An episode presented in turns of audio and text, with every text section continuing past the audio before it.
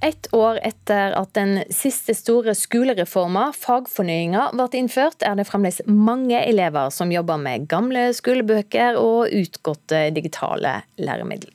Da den førre reforma kom, følger det med tre ganger så mye penger som denne gangen.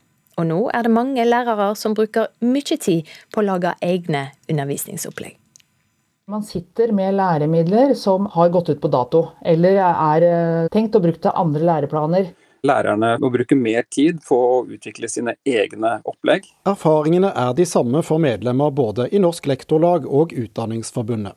Skolen har for lite penger til å oppdatere læremidlene etter den nye reformen, den såkalte fagfornyelsen.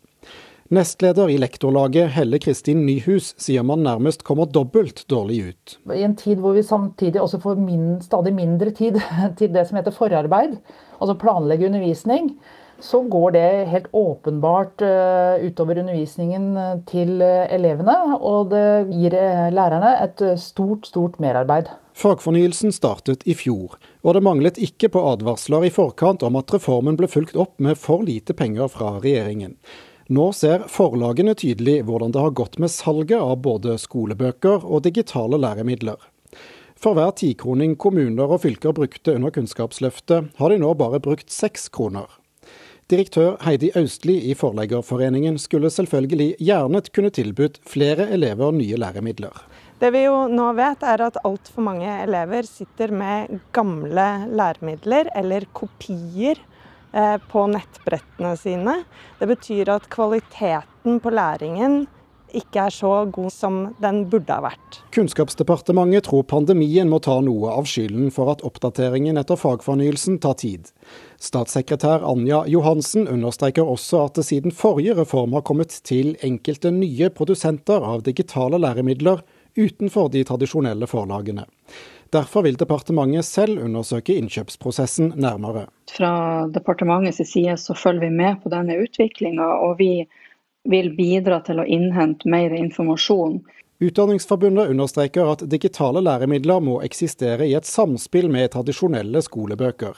Styremedlem Tom Bjørnar Jambak sier at det er en utbredt misforståelse i kommuner og stat at digitale løsninger kan bidra til å spare penger.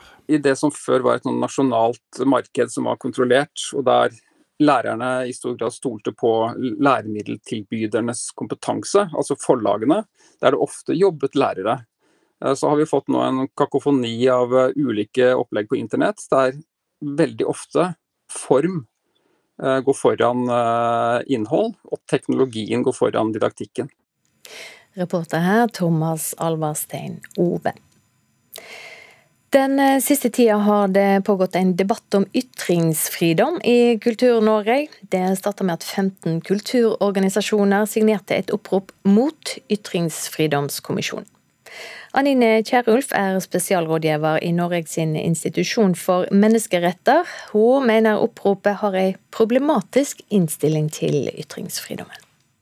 Ytringsfriheten forutsetter i grunnen at man eh, kan møte de ytringene man er uenig med, eh, også om de er av en uspiselig, sjokkerende og fornærmende karakter i åpent lende. Det sa Nine Kjærulf, som er førsteamanuensis ved Institutt for offentlig rett ved Universitetet i Oslo, og spesialrådgiver i Norges institusjon for menneskeretter. Facebook-profilen Sløseriombudsmannen har lenge vært svært omdiskutert, men det var da Ytringsfridomskommisjonen inviterte mannen bak profilen til kommisjonen sitt innspillsmøte for kunstnere at 15 kunstnerorganisasjoner reagerte. De sendte et innspillsbrev til Ytringsfridomskommisjonen og Kulturdepartementet. Forfatterforeningen var en av de som signerte oppropet. Oppropet er jo ikke sånn helt soleklart formulert, men den mest nærliggende tolkningen er jo at det er en kritikk av at Ytringsfrihetskommisjonen har invitert mennesker de mener ikke burde vært invitert, til et innspillsmøte om kunstnerisk ytringsfrihet. Det er jo vanskelig å forstå som noe annet enn en oppfordring til en form for scenenekt, nemlig at noen stemmer ikke burde være med der hvor andre stemmer også inviteres. Det er i tilfelle et synspunkt som er vanskelig å forene med den ytringsfriheten som Forfatterforeningen og de andre kunstnerforeningene lever av. Forfatteren Roy Jacobsen reagerte så sterkt på at Forfatterforeningen signerte oppropet, at han søndag meldte seg ut av foreninga. I etterkant har flere store norske forfattere også kritisert foreninga for å ikke forstå ytringsfridom. En av dem er Vigdis Hjort.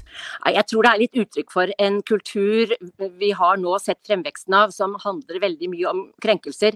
Og så ser vi ikke at vi i vårt ønske for å forsvare enkeltmennesker eh, mot hets står i fare for å innskrenke ytringsfriheten. Men den er jo selve fundamentet for Den norske forfatterforeningen. Og når det er såpass turbulent omkring den, så må vi stå fast på dette som er hovedmandatet vårt. Slik svarer Amalie Lerstang, nestleder i Forfatterforeningen, på kritikken. Vi tar jo den kritikken på alvor, ehm, for det er en stor del av det vi bruker arbeidskapasiteten vår på i Forfatterforeningen. Det er å nettopp jobbe for eh, ytringsfriheten. Eh, så det tar vi jo til oss. Ehm, og det har aldri vært eh, vår mening at vi skal ha et ytringsrom hvor noen ikke kommer til orde. Denne reportasjen var laga av Emily Louisa Millan Eide, Line Tomter og Ingvild Edvardsen. De to kunstsamlerne Christian Ringnes og Kristen Sveås skylder til sammen 7,6 millioner kroner i kunstavgift for eh, flere kunstverk. Og det gjelder bl.a. kunstverk i Ekebergparken i Oslo og på Kistefors museum på Jevnaker. Nå har de to kunstsamlerne engasjert advokater og klager til Kulturdepartementet. Kulturreporter Tarjei Mo Batalten, hva går denne konflikten ut på? Denne kunstavgiften kreves inn av Bildende kunstners eh, hjelpefond. Og det er de som har kontrollert disse to museene i 2018. Da konkluderte de med at 25 eh, skulpturer i Ekebergparken og fire ved Kistefoss museum ikke var rapportert inn, og dermed heller ikke betalt eh, kunstavgift for. Hjelpefondet sendte i forrige uke krav til hver av disse, men de har klaget dette da videre til Kulturdepartementet. Og Hva er bakgrunnen for at de to har nekta å betale denne avgifta? Christian Ringnes skriver til Klassekampen at kunsten det gjelder er utenlandsk. Den er laget av utenlandske kunstnere og kjøpt i utlandet. Og han mener da at den ikke skal rammes av denne norske avgiften. Også Kistefoss museum mener at Hjelpefondets vedtak er ugyldig, men Hjelpefondet selv er klare på at avgiften skal gjelde all kunst som skal vises offentlig i Norge. Og Hva går denne kunstavgifta til?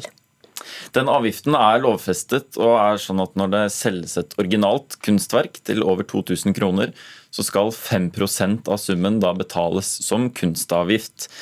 Denne avgiften går da til Bildende kunstners hjelpefond, og midlene derfra skal gå tilbake til produksjon av eh, ny kunst, bl.a. gjennom tilskudd og stipender som fondet deler ut til norske kunstnere. Men eh, ordningen er tillitsbasert, så museer og gallerier må selv melde inn kjøp, og fondet kan også kreve inn beløpene med tvang. Og hva skjer videre i eh, denne konflikten nå? Denne konflikten har jo pågått mellom disse to um, kunstsamlerne og Hjelpefondet siden 2018. Men eh, nå ligger altså disse klagene hos Kulturdepartementet. Og Hjelpefondet sier at de ikke tidligere har opplevd at eh, kravene deres ikke innbetales frivillig. Takk skal du ha, reporter Tarjei Mo Batalden.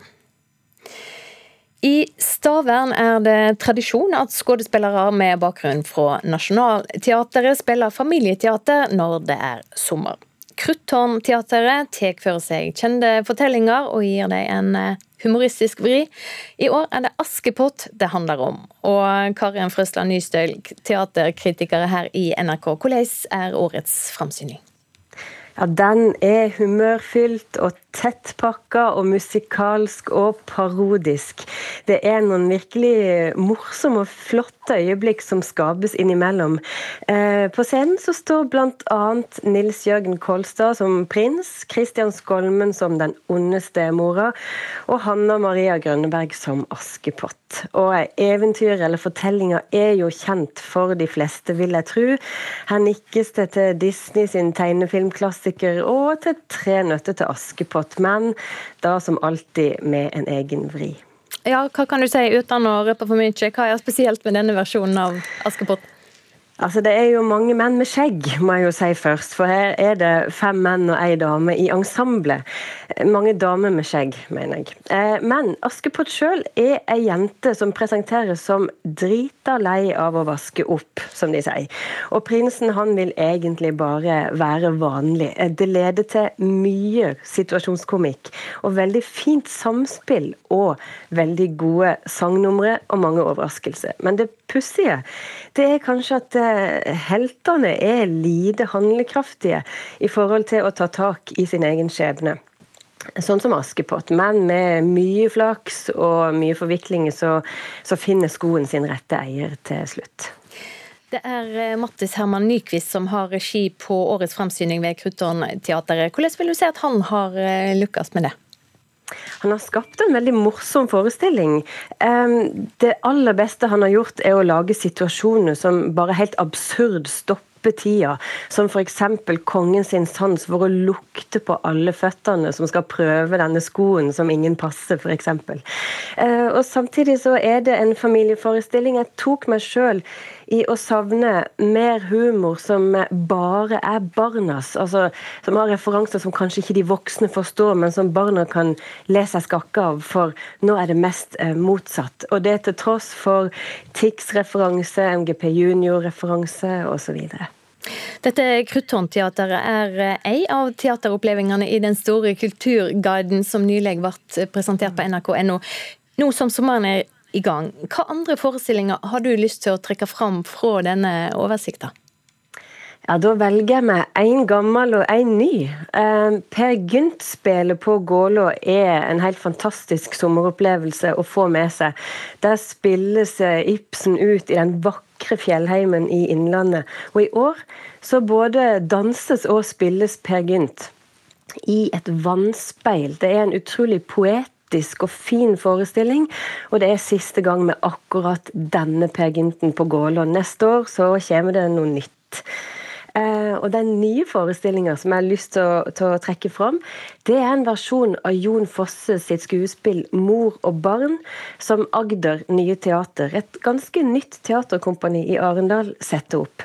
Den spilles i en nedlagt barneutstyrsbutikk i sentrum. Og denne butikken inneholder gamle barnevogner og, altså fra slutten av 1800-tallet og fram til i dag. En slags utstilling, på en måte. Og der sitter publikum utenfor med hodetelefoner og ser det spille seg ut i denne sørlandsbyen. Så den er jo verdt å få med seg. Begge to spilles fra slutten av juli. Takk skal du ha, teaterkritiker Karian Karin Frøsland Nystøyl. Og NRK sin store sommerkulturguide den kan du finne på nrk.no anmeldelser.